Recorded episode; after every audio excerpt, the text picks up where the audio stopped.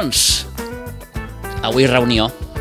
El Rugby Club Sitges s'haurà de decidir si, com, com deia el Camilo, no? Eh, interessa o no, o, o es poden complir tots els requisits que també demana la Federació Espanyola per poder jugar a Divisió d'Honor B, la segona màxima categoria estatal. Eh, clar, és que és allò de tants caps, tants barrets, no? I hi han diners per afrontar doncs, un cost que tindria doncs, poder jugar amb la divisió d'honor B. Hi han jugadors, hi ha la possibilitat, que és un dels requisits, de, de poder fer un, un, un segon equip. En fi, són, són moltes coses que avui s'haurà de debatre en el si de, del, del Rugby Club Sitges, sí, com deia el Camilo també. Només que n'hi hagi un que, que, que digui no, aleshores ja la cosa eh, no, no, està, no està tan clara. En fi, veurem com acaba tot plegat. Són ara mateix les 10 i 20 minuts del, del matí.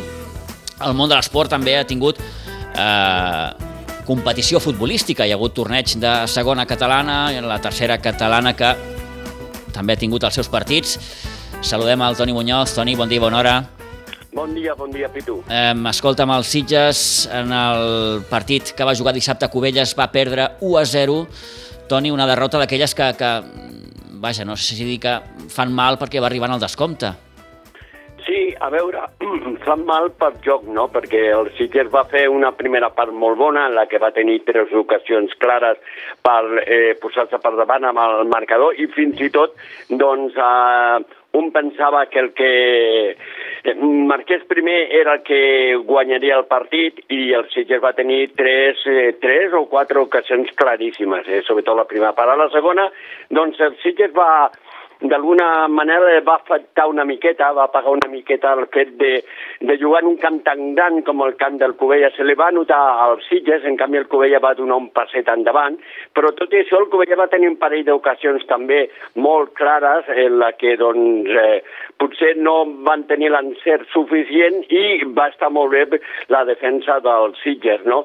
Eh, però el que són les coses, quan més o menys ja comptaven que el partit podia acabar empatat, tot i que ells estaven arribant en perill, eh, sobretot en els últims compassos del mateix, vull dir, l'últim segon del mateix, doncs arriba en temps afegit aquesta, una falta en la que la penja al segon pal allà de cap eh, li passa un jugador del Cubelles i aquest remata mm, sol davant del porter de Jordi Fernández el gol que li donava la victòria al Cubelles.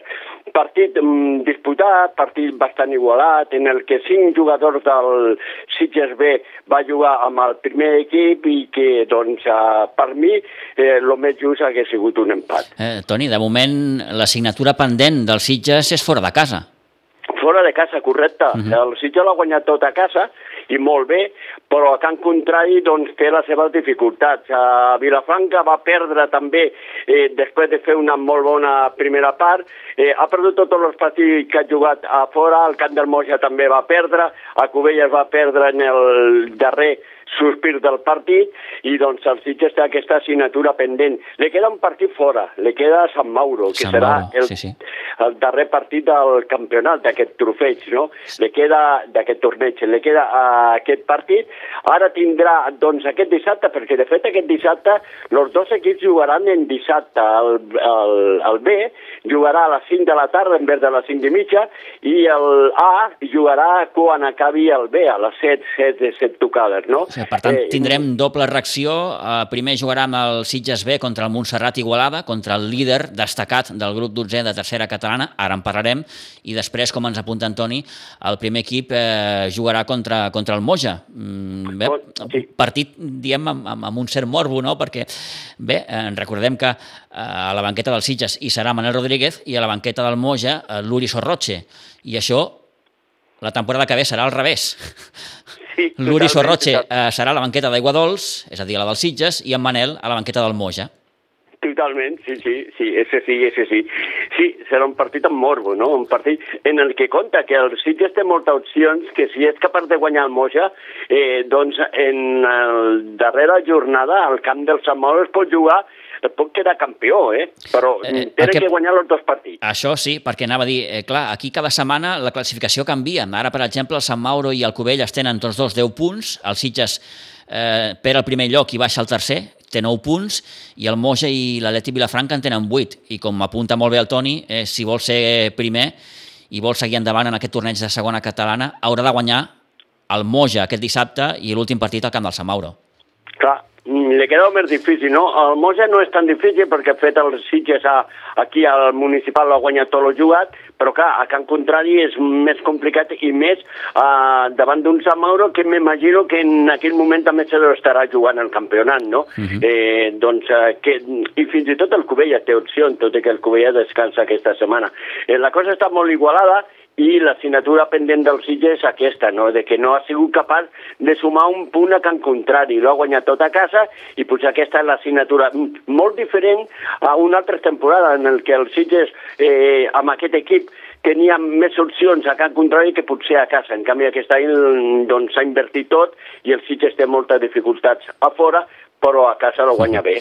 A tercera catalana, Toni, eh, s'ha disputat una nova jornada, la número 16. El Montserrat Igualada ha certificat el seu liderat, li va fer un 7 a 0 al Piera. Per tant, el conjunt igualadí, mmm, com aquest qui diu, té un peu i mig a la segona catalana. Eh, el Ribas, que porta unes quantes jornades, uf, una miqueta mm, pitjor de com va començar, i compta amb aquest Atlètic Vilanova, que, que ha ressorgit. Sí, sí.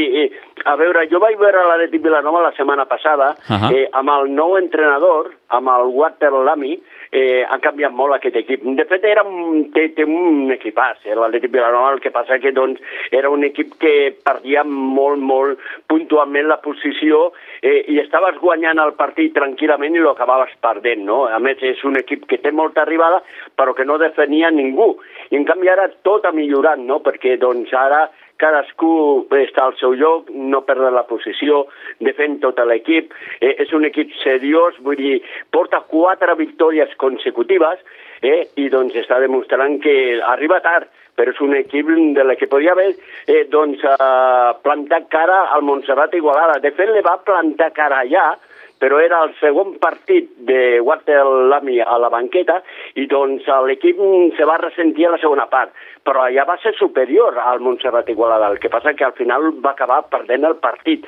Eh? Mm, un Atleti Vilanova que doncs, va donar la sorpresa, de fet eh, va arrasar el Ribas perquè va ser molt superior sobretot a la segona part i va acabar guanyant 1-4 i deixa a mans del Montserrat Igualada al campionat, perquè sí, sí. el Montserrat Igualada li té 8 punts al Rodevilles, eh, eh, té que descansar un partit, però tot això té 5 punts de marge quan aquí encara queden molts derbis. Sí, sí. Eh, recordem que aquesta jornada el Sitges B va descansar perquè li tocava el partit contra el Carme, que va ser l'equip que es va retirar, però, Toni, dissabte ve el líder aquí a Iguadols. Tenim un interessant Sitges B Montserrat Igualada dissabte a les 5 a més, el Montserrat Igualada és conscient que mm, tenien dos partits molt complicats, que podia perdre perfectament aquí al municipal, perquè de fet ells estan molt acostumats ara a jugar en un camp gran com és la Comas, eh, com el camp de les Comas, sí. venir aquí doncs, al municipal d'Igualada, que és un camp reduït, un camp petitó, doncs per a ells és complicat i de la manera que juga el Montserrat Igualada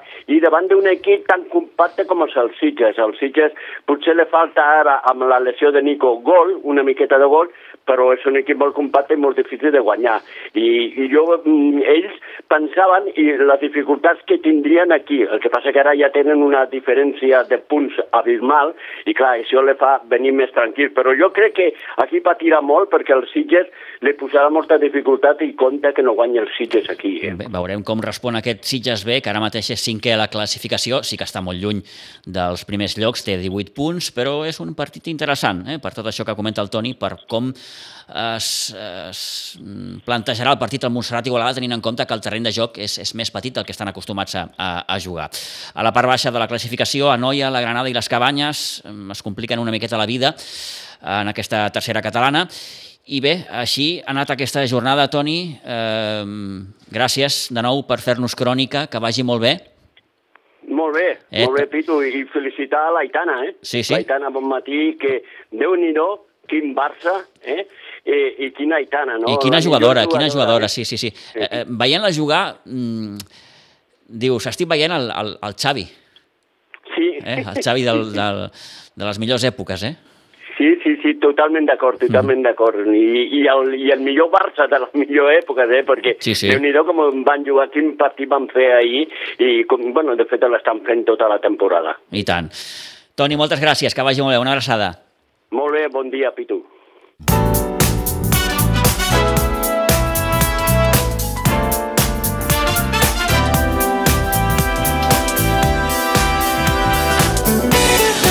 Acabem amb un darrer apunt futbolístic per dir que l'equip femení dels Sitges a la primera divisió va encaixar un 0 a 7 davant el Levante Les Planes. Les noies de Joan Formatxer, que segueixen últimes a la classificació, encara no han guanyat cap partit, 0 punts, tenen, com aquí qui diu, peu i mig a la segona divisió. Una jornada que també ens ha deixat la derrota del Club Patí Subur Sitges en el primer partit de la Lligueta d'Ascensa Nacional Catalana amb els homes de Carles Busquet, que de fet, van encarar molt bé el partit perquè al descans se'l dominaven per 3 a 1. Al final, el Valls, dissabte a Pinsbens, es van dur la victòria per 4 a 7. Per tant, com es diu en aquests casos, comença amb mal peu aquesta lligueta d'ascensa nacional catalana. La valoració que feia el mateix Carles Busquet quan acabava el partit era aquesta. Sí, eh, primera part hem sigut molt, jo crec que hem, a part del primer gol aquest que ens fan, hem sigut prou superiors o, o bastant superiors Eh, amb el 4-1 no estàvem jugant igual de bé que, amb, que la primera part. I després, bueno, doncs tres penals o tres directes i llavors pues, és difícil. Si te l'has ficat és difícil. Ja vas a remolc. Nosaltres hem perdonat moltes contres hem perdonat també un penal, una directa Bueno, eh, jo crec que la lectura és superioritat a la segona part i a poc a poc a la segona entre una cosa i altra s'han anat ficant ells al partit i, i al final ja doncs, quan ja queda un minutet doncs ja deus al porter que mira que passi el que d'això i ja està. No deixa tenir un punt frustrant no? el fet de, de, de llançar per la borda, si se'n permet l'expressió, aquest avantatge.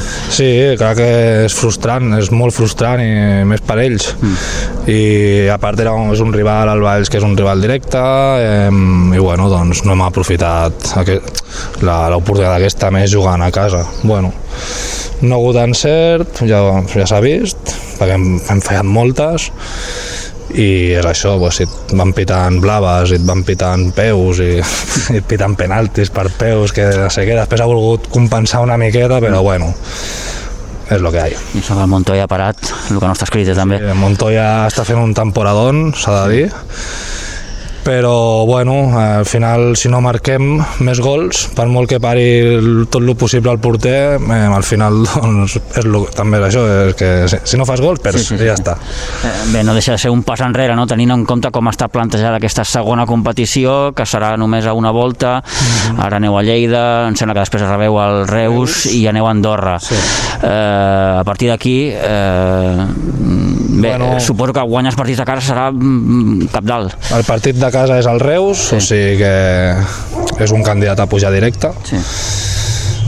La setmana que ve Lleida, doncs, desplaçament llarg, pista diferent a les nostres, canalla jove també, allà potser igual allà sí que podem rascar, i Andorra s'ha de rascar sí o sí, amb el Reus ja sabem que vindrà un tipus igualada com quan van venir, que sí que els pots aguantar la primera part però després i bueno, serà complicat, serà complicat, els equips són, són d'usos i, i bueno, eh, pues haurem de lluitar com puguem fins al final. Veus factible la classificació, Carles? Aviam, sincerament estem amb quadro, ja ho veus, vaig amb sis jugadors, Eh, llavors, avui potser amb una plantilla més àmplia, doncs igual sí que tenim més pulmó, també ens ha, ens ha passat factura a la segona part, ells al final sortien molt bé de la seva pròpia pista perquè ja estàvem ofegats, i ho veig difícil, ho veig difícil perquè doncs mira, el Vall siguen potser, o l'Andorra encara, però el Vall siguen més o menys del nostre nivell, doncs té un entrenador famós, ha estat parlant tot el partit, ha empitat el que ell reclamava, doncs vas a Lleida, també et trobes els àrbits caseros i després a té que lluitar amb tot això. Al final, pistes complicades, clubs de nom i gent coneguda, i, i nosaltres. Però bueno, però bueno eh, Allà esteu. al final estem aquí, la Lliga que és la, la, la xula per disfrutar-ho també, Eh, hem tingut una temporada, ja ho he dit algun cop, Sí. que de, fatal d'entrenos. Moltes dificultats. Des d'aquest dilluns passat ha sigut la primera setmana des d'octubre que hem pogut entrenar normal i, eh, bueno, I pues, aquest el que dius, no, també falta fons d'armari. clar, clar, i bueno, doncs farem el que podrem, ho intentarem perquè per això estem aquí i ja està.